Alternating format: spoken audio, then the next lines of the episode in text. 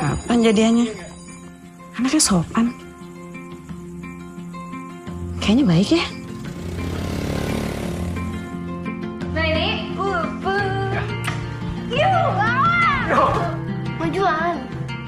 Aku post di IG ya. Jangan dong. Ra, Bim. Saya akan tanggung jawab. Kamu mau tanggung jawab kan? Iya kan? Mulai hari ini. Sih tau gak sih kalau lu tuh goblok namanya? What to do? Can anybody tell me? Can anybody tell me? Can anybody help me? How to? Katanya mama mau kasih banyak ke Tante Lia sama Om Adi. Soalnya mama gak yakin lo bisa ngurus. Gimana kalau nanti anaknya panggil kamu Om, Dara dipanggil Tante? Gak bisa mereka begitu aja seenak-enaknya. Jadi, kehamilan di usia Dara ini resikonya sangat tinggi. Tubuhnya Dara itu belum siap. Aku serius, Ra. Aku serius waktu aku bilang gak akan pergi ninggalin kamu lagi.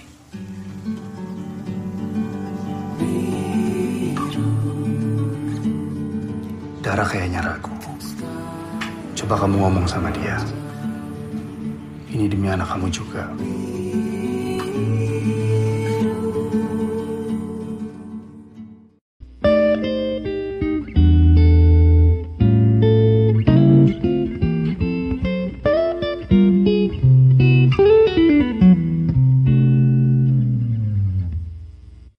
Coba kita pokoknya dia ngomong kayak padahal dulu tuh mama selalu nutup mata kamu kalau lagi ada adegan ciuman di bioskop gitu kan. Terus akhirnya mereka ngomongin tentang ciuman itu kan dan akhirnya ya miris aja gitu.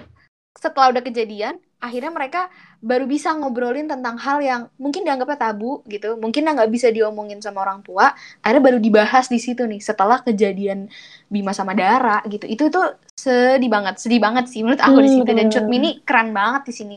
Salah satu performance yang aku paling suka ya di di dua garis biru tuh performance-nya Cut Mini.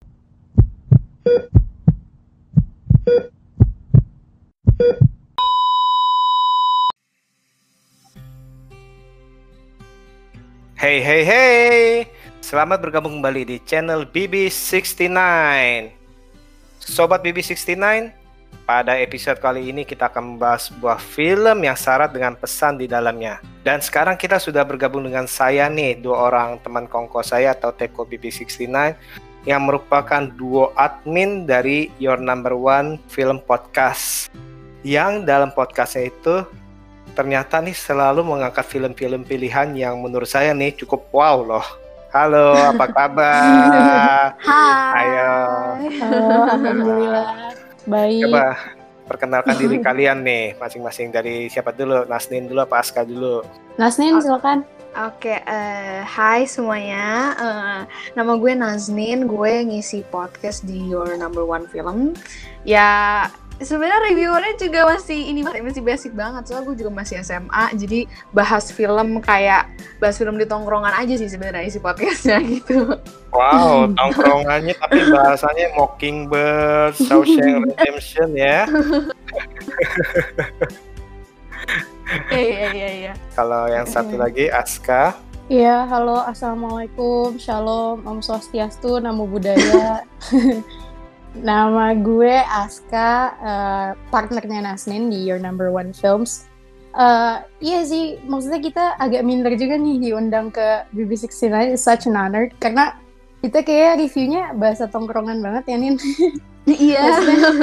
apa yang biasa kita omongin sehari-hari aja sih. Jadi kalau film-film bagus itu yang cinephile banget itu biasanya idenya Nasnin karena porsi di Your Number One Films saya bagian apa ya sampah recehnya aja kali Nasnin bagian cinephile yang beneran review gitu. Nah, ini kalau, kalau didengerin uh, podcast kalian nih udah ada uh, pokoknya ada ciri khasnya nih. Kalau si Aska pasti ngomong, ah gue mah recehnya aja. Itu udah pasti deh. Kayak merendah untuk meninggikan diri nih Iya, ciri khasnya nih ya. Eh, sekarang udah sibuk masuk sekolah lagi nih kalian? Iya. Dan kebetulan kita kayak di senior year gitu ya mas. Jadi wah gimana ya persiapan masuk PTN, persiapan Mhm. nilai rapot gimana harus lebih bagus lah segala macam gitu sih. Jadi agak-agak challenging juga nih eh, Mhm. ngimbangin sama podcast. Nah, itu sih kesibukan sekarang paling ya. Heeh. Mm-mm.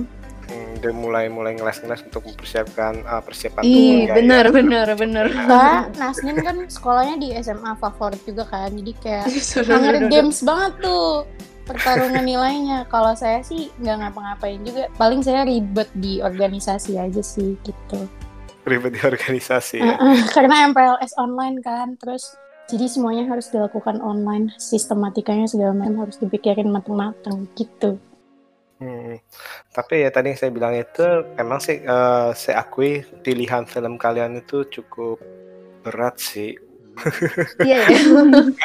untuk masih nanti saya mau saya ngomong itu untuk untuk eh, anak seusia kalian itu ternyata eh, saya cukup senang sih cukup senang melihat wow ternyata nih Mhm. SMA ini bisa eh, bahkan yang Mockingbird beda umurnya berapa tuh sama kalian ya bisa Wah, ya itu ya itu kayaknya orang tua juga belum lahir ya mas ya. Nah, saya sendiri belum lahir kayak itu. Nah, bisa wah kalian angkat nih, saya sendiri belum ngangkat itu. Biasa itu Nasnin tontonannya, dia suka banget film itu dari- dari lama. Oh, soalnya Iya, iya. uh, soalnya pokoknya yang pakai jas-jas yang Nasmin suka ya. Oh iya betul. aduh, aduh jadi nggak enak di sini. saya denger loh. Nasnin itu. Iya, saya tahu pokoknya yang suka sama yang jas-jas itu Nasmin. Tahu lah. Aduh. Eh, jadi itu tandanya saya dengerin loh. iya iya iya, thank you banget mas. Thank you banget. keren itu, keren, keren itu. Oke, nah uh, pada kesempatan hari ini kita akan bincang-bincang mengenai film pilihan kalian nih, Uh, yaitu judulnya kan Dua Garis Biru, sebuah film remaja yang dirilis pada tahun 2019 kemarin, di mana Mhm. film ini ditulis dan disutradarai oleh Gina Esnur dan dibintangi oleh Angga Yunanda dan Adistia Zara JKT48 ya. Mhm. uh, pertanyaan saya kenapa nih kalian kok milih film ini? Apa ada pengalaman pribadi atau kenapa nih? Coba Aska. hamil nggak sih? Iya ya? Nakal banget. Nah, A- atau menghamili atau kalian menghamili anak orang nggak mungkin ya? Iya. gue jadi gue jadi nggak enak nih di podcast BB69 jadi sebenarnya yang yang yang pertama kali eh, apa nganjurin film ini gue nih nah, kayaknya ya. Iya iya. nah Nasdin sih bilang apa ya apa yang nyari dibahas? Nah kalau aku sih nganjurin film ini sendiri karena merasa deket kali ya sama lingkungan. Maksudnya kehidupannya juga kehidupan SMA terus ya bisa dibilang ada beberapa yang mengalami fase itu di eh, lingkungan pertemanan. Jadi kayak kayak seru aja gitu dibahas. Bagus juga filmnya. Hmm, nah itu dari Aska. Kalau dari Nastin, Kalau aku mengiyakan dua garis biru karena kan Aska yang nawarin ya. Dua garis biru tuh karena menurut aku nih salah satu film yang wah jarang sih langka banget gitu pas pertama kali keluar juga bawa isu sepenting ini setabu ini gitu aku langsung Mhm. kayak oh oke banget sih dua garis biru dan mungkin karena kita podcast sama si anak SMA kali ya jadi kayak eh, cocok nih kayak dua garis biru gitu Oke oke keren. Oh ya sebagai informasi ini untuk sobat BB69 nih, saya ngantri nih untuk untuk follow sama mereka ini dari berapa bulan lalu ya, bener ya? dari Iya, sebelum iya, zaman iya, iya. corona malah jadi nggak enak astaga pas awal corona kayaknya tuh. Oke oke, kita kembali ke film. Nah sekarang nih eh, kalian nonton film ini eh, pas di bioskop apa pas udah ada di streaming? Siapa dulu nih? Kalau aku lagi di streaming sih di bioskop tuh nggak sempet, emang nggak sempet aja. Waktu itu eh, sayang banget Hmm. sih, jadi aku nonton di streaming. Nah, Hmm, Di Hmm. view ya sekarang udah ada di view. Oke kalau ya di view. kalau Aska?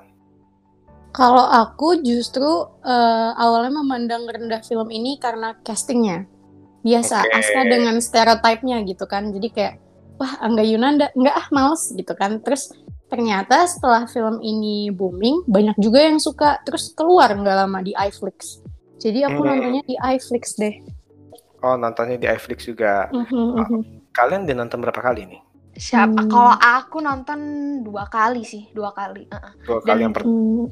Dan di rewatch kedua kayaknya lebih, le- makin suka sih di rewatch kedua. Uh-uh. Oke, kalau Aska udah berapa kali? Banyak kali ya, berapa ya? lumayan sering sih, karena kalau temen-temen main ke rumah gitu kan di TV ada iFlix kan, nggak ada Netflix. Jadi paling nontonnya film bagus di iFlix itu kan, dua garis biru yang bisa sama temen-temen juga seru sambil ketawa-ketawa gitu. Nonton sama orang tua gak kalian? Enggak. Oh iya, Oh, eh, Aska iya ya. iya. Gimana respon mereka nonton itu? eh kalau mama papa sendiri sih dari dulu nggak pernah yang kayak apa ya membatasi aku sih. Maksudnya we both know this kind of pornography thing exists tapi kayak mama papa sendiri kayak nih kamu nggak boleh nih begini-begini. Cuma kalau yang ngebatasin banget nggak juga kali ya. Atau mungkin kayaknya nggak pernah sih yang kayak kamu nggak boleh nih nonton ini gini-gini yang keras gitu. Nggak. Paling cuman kayak udahlah kamu jangan nonton yang kayak gitu-gitu. Terus pas nonton film itu pun mama lebih ngomong ke adikku yang notabene-nya masih 10 tahun gitu jadi kayak dek kamu tuh jadi laki-laki nggak boleh gitu tuh bla bla bla gitu kalau ke aku sendiri nggak nggak ngomong apa-apa sih Atau mungkin adik kamu masih bisa diselamatkan daripada kamu? Itu benar sih kayaknya ya. Eh, Aduh, Baik, udahlah kakak mah, udahlah kakak, udahlah mami udah. Bercanda ya. Tapi bener deh kayaknya Nah, Nasni sebagai teman kayak ngeliatnya bener tuh. Bener sih, bener kayaknya. Bisa jadi itu, bisa jadi. Aduh. Nah, sekarang kesan kalian saat nonton film ini apa nih? Dari Nasnin dulu deh. Kesan aku karena aku tahu Gina Esnur ini biasa nulis skrip ya. Nulis di Keluarga Cemara, nulis, oh banyak ya ayat-ayat cinta juga ya. Pokoknya dia tuh penulis skrip dengan suaminya juga ya, Salman Arisman juga penulis skrip. Jadi ini directional debutnya dan gak nyangka sih. Jujur gak nyangka banget, apalagi di adegan yang one take di UKS tuh. Hmm. Kayaknya tuh untuk directional debut gila sih, gila banget. Maksudnya aku nggak kayaknya bahkan sutradara-sutradara kondang pun belum bisa, mungkin belum tentu bisa se baik itu tuh scene itu tuh. Karena ya dua keluarga yang beda kelas sosialnya juga one take kayak ada dua dialog itu tuh menurut aku gila banget sih. Gina Esnur di sini keren banget sih. Mhm. itu sih yang bikin impresi pertama yang aku bener-bener wah aku suka banget sih sama nih film gitu. Emang emang patut diacungin jempol ya sebagai apa uh, karya perdana. Ternyata itu memang wah dan bukan uh, film remaja picisan ya. Bener betul banget betul hmm, bukan bicisan sih kuncinya itu Heeh. Nah, kalau dari Aska gimana? Kesan pertama? Kalau kesan pertama pasti kayak apa ya, rare banget. Terus teman-teman kan juga waktu rekomendasiin film ini ke aku banyak bilang ini nih sex educationnya eh, Indonesia gitu-gitu. Cuman aku juga nggak pernah tertarik untuk nonton. Cuma pas udah nonton keren sih. Maksudnya aku nggak punya pemikiran apa-apa. Kayak that kind of thing actually happens a lot in my environment. Jadi kayak ya udah that kind of thing happens ya keren gitu bisa disampaikan lewat film dengan cara yang halus dan semiotik mungkin Hmm, emang pas waktu pertama kali pengen keluar juga kan belum apa-apa udah di tanda kutip di boykot, udah apa-apa ada yang Hmm, iya, iya. betul, ada yang merasa takut ngajarin hamil gitu ya. Tapi ternyata Iya.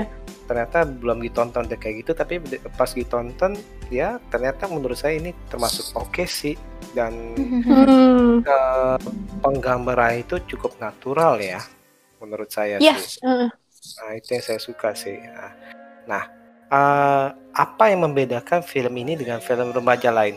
eh film ini dengan film remaja lain pertama menurut aku tuh satu keberanian luar biasa mungkin dari isu ya yang pertama Iya, bener, gitu kan. Ini ini gila berani banget sih gitu apalagi Hmm.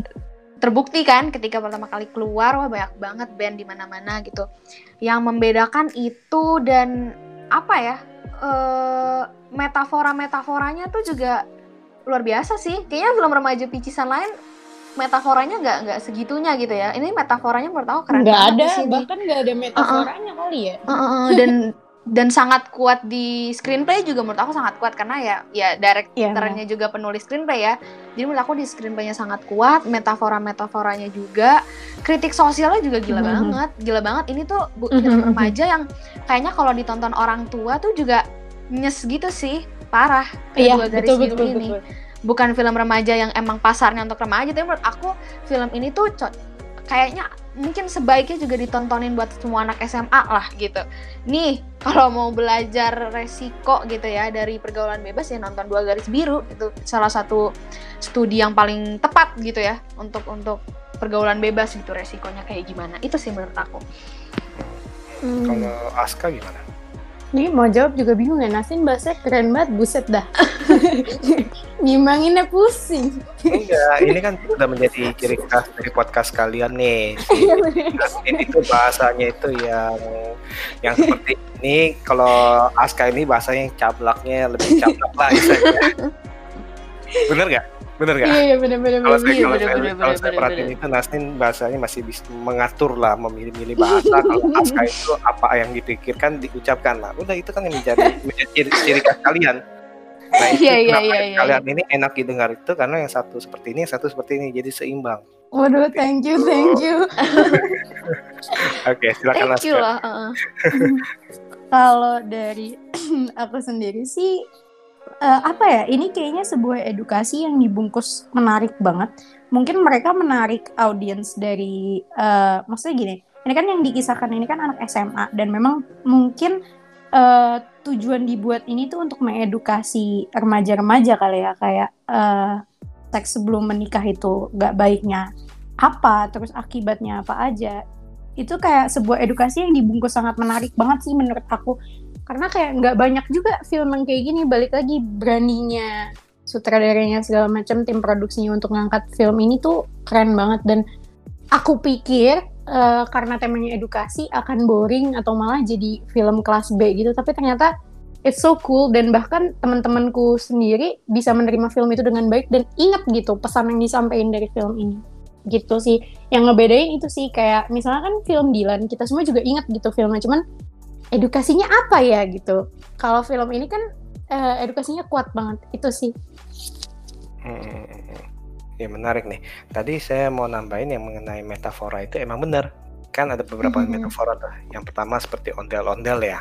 Iya, Iya iya. Ondel kok kenapa nih seliwuran bolak-balik bolak-balik dan istilahnya selalu eh, selain bolak-balik itu mereka itu eh, berkontak dengan eh, tokoh pria dan tokoh wanitanya ya. Bener kan? wanita Iya. Ah, betul Nah ternyata itu kalau kita lihat-lihat itu ondel-ondel itu metafora itu karena sebuah ondel-ondel itu di dalamnya kan manusia ya.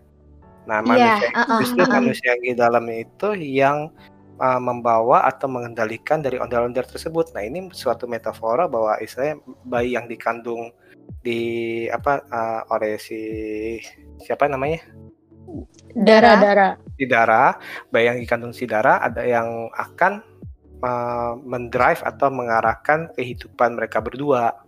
Benar ya? Betul, betul. Hmm. Iya, iya, iya. Walaupun yang kalau yang em, kerang sama stroberi itu mungkin lebih subtle ya, maksudnya lebih Betul. gampang ditangkap ya. Aku Betul. Ya, itu sukanya metafora di sini. Dulu nih, lu jangan bilang gampang ditangkap asal lu tahu aja gue udah nonton tuh film berkali-kali gue belum nangkep itu maksudnya apa Nah, yang paling paling just sebenarnya itu yang paling yang paling enak ditangkap itu yang strawberry itu paling Yap, karena tuh Hmm. aksi dan reaksi ya. Jadi orang kalau audiensnya tuh pasti oh iya ini gitu.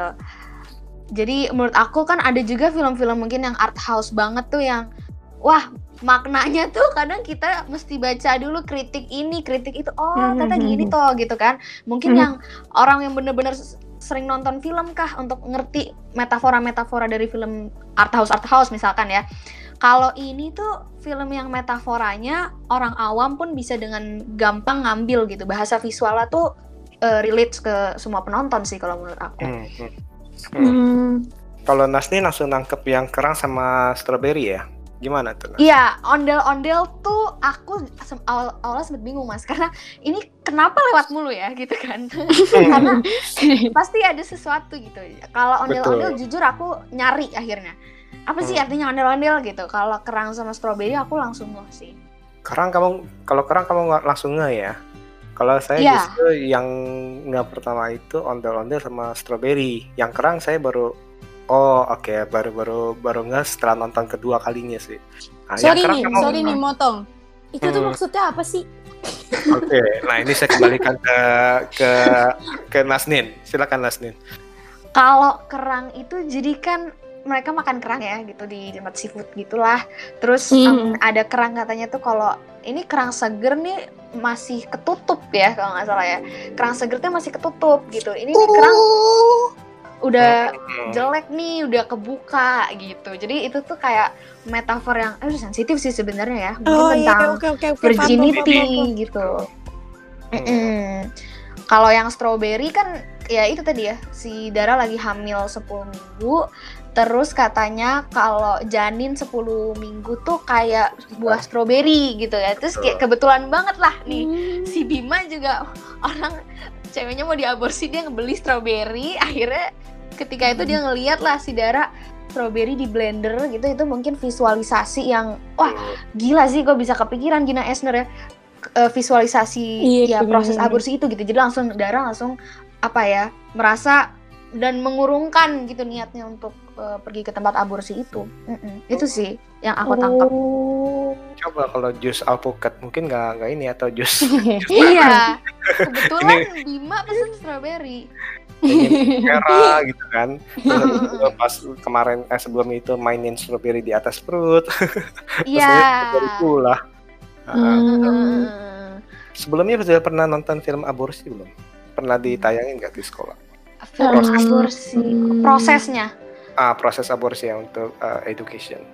enggak sih Kalau ditayangin enggak sih, tapi kalau dijelasin prosesnya kayak pernah deh. Soalnya kan eh, beberapa kali banyak tuh dari Kementerian Kesehatan kasih kayak seminar-seminar gitu ke sekolah.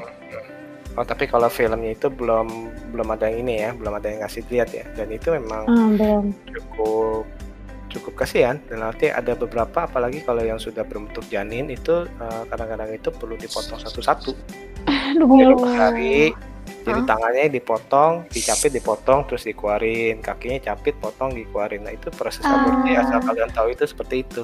Dan nanti kalau ya, nonton kalau Hmm. nonton filmnya ada kayaknya apa ya? Revolutionary Road tuh ada ya? Nggak tahu deh ada ya ada ada ada yang Kate Winslet sama Leonardo DiCaprio tapi itu emang implisit sih nggak nggak kelihatan banget gitu. Kalau ini emang buat edukasi sih untuk me- apa, oh. direkam dan untuk ditayangkan itu untuk eh, pembelajaran bahwa ini nih aborsi kayak gini nih kalau kalian mau tahu nih istilahnya. Terus nanti bekas-bekas janinnya segala macam yang di koran-koran kan banyak kan tuh ya yang dibilang apa eh, ditemukan ditemukan. Nah itu nggak Iya, bohong iya, iya. dan itu emang ekstrim sih. Nah itu. Oh. Nah kalau kalian mau itu kalian bayangin satu persatu itu jadi tangannya dicari dicapit terus habis itu pakai gunting segala macam gitu. Tuh Nin, jangan gitu makanya. kok gue? Kok gue? Kenapa jadi gue? Ya tolong Aduh, ambil cermin ya tolong ya. Cerminnya udah pecah. Heeh. cerminnya udah pecah semua nah seperti itu. Tadi benar sih kayak apa eh, ini bagusnya itu sih eh, ada eh, metafora-metafora yang diselipkan. Seperti itu ya kayak tadi itu. Justru kita tangkap sih sebenarnya itu. Ada beberapa orang nangkep ada beberapa sih enggak sih ya. Ya Aska ya Iya betul, kan orang kapasitas kepalanya berbeda-beda begitu, jadi selalu ngomongin gini nih untuk ditinggikan nah adegan yang paling memorable untuk kalian apa nih coba Aska dulu Waduh, apa ya? Oh, pas ini sih, pas si Dara pertama kali datang ke lingkungan rumahnya Bima. Mhm. Itu apa ya? Kerasa aja gitu eh, sindiran sosialnya.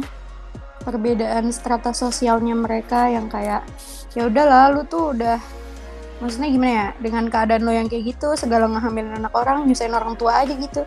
Oke, nah itu kalau dilihat dari situ sih eh, pas mereka masuk ke rumahnya kampungnya Bima itu memang kelihatan banget sih ya dan nanti Hmm. uh, welcome to the real lo- uh, world istilahnya.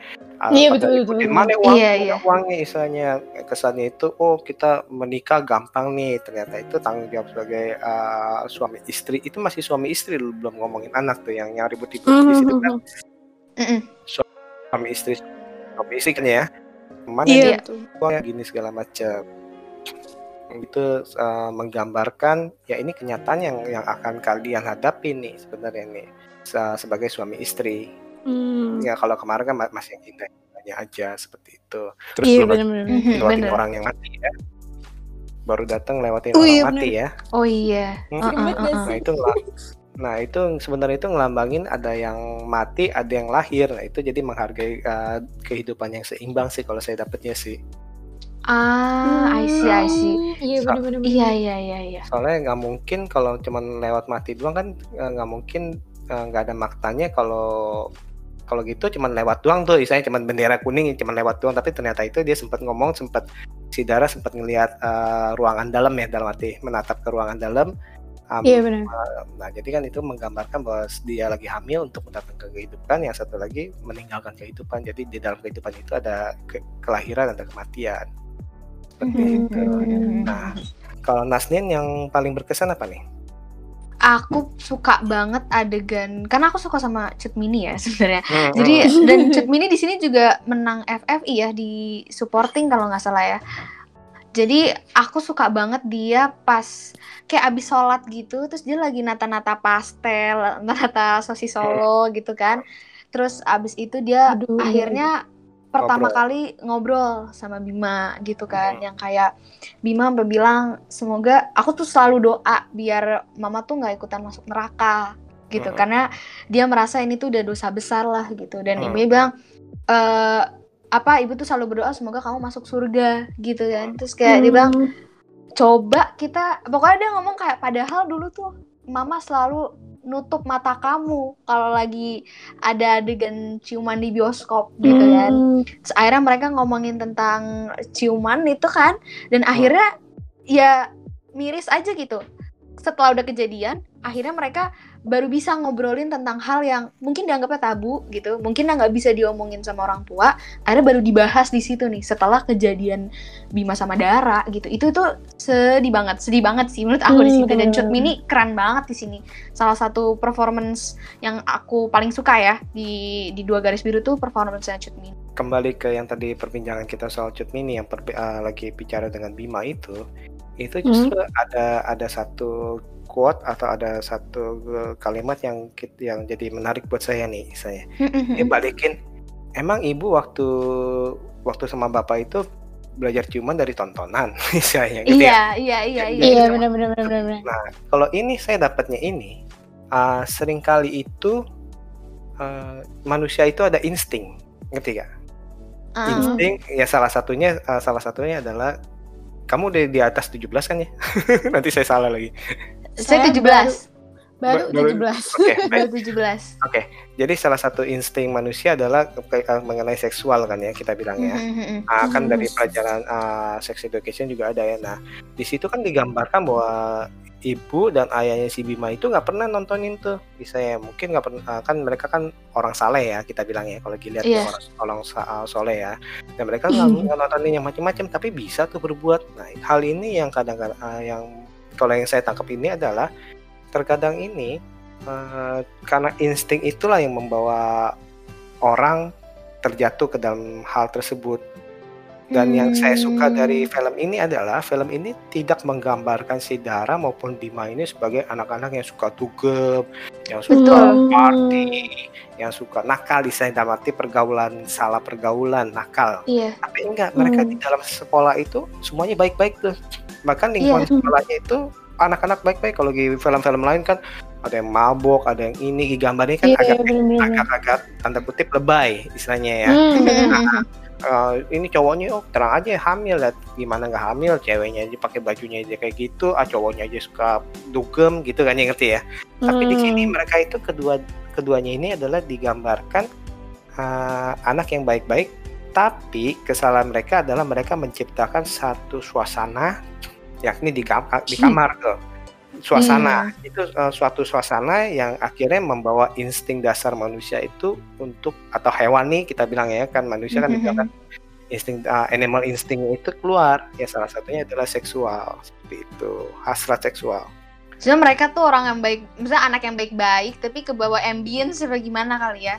di kamar itu Tuh, gitu. Nin. Jadi Jadi kalau anak yang Gue mulu. bahaya nih. gue mulu. Bukan berarti yang anak diem-diem gak berbahaya. Oke. Diam-diam di kamar ya. Diam-diam di kamar kalau ribut-ribut Oh, iya kalau ribut-ribut di luar rame-rame di bawah bareng-bareng Oh, iya temen bener. di sofa. iya iya iya. Nah, jadi itu emang benar ambience uh, jadi ling- uh, suasana itu jadi itu yang harus berhati-hati tuh sebenarnya. Tuh nih dengerin. Iya. gue nyatet nih dari tadi. Iya iya iya iya. Pelajaran apa aja yang bisa gue catat ya? Tapi itu sih yang saya suka dari film ini saya ulangin lagi bahwa uh, nggak terlalu lebay menggambarkan tokohnya. Iya benar. Benar-benar. Uh, kalau ada yang memorable, ada yang disuka, apakah ada adegan yang gak disuka atau yang mengganjal? Kenapa nih harus ada adegan ini? Aska dulu deh. Aku lagi Aduh, mikir apa ya? lu dilempar ke gue lagi. Belum nemu Atau nih. perfect? Atau perfect? Nggak, nggak perfect sih. Cuma mungkin kalau ada kesalahan, kayaknya bisa dimaafkan gitu nggak sih di film ini?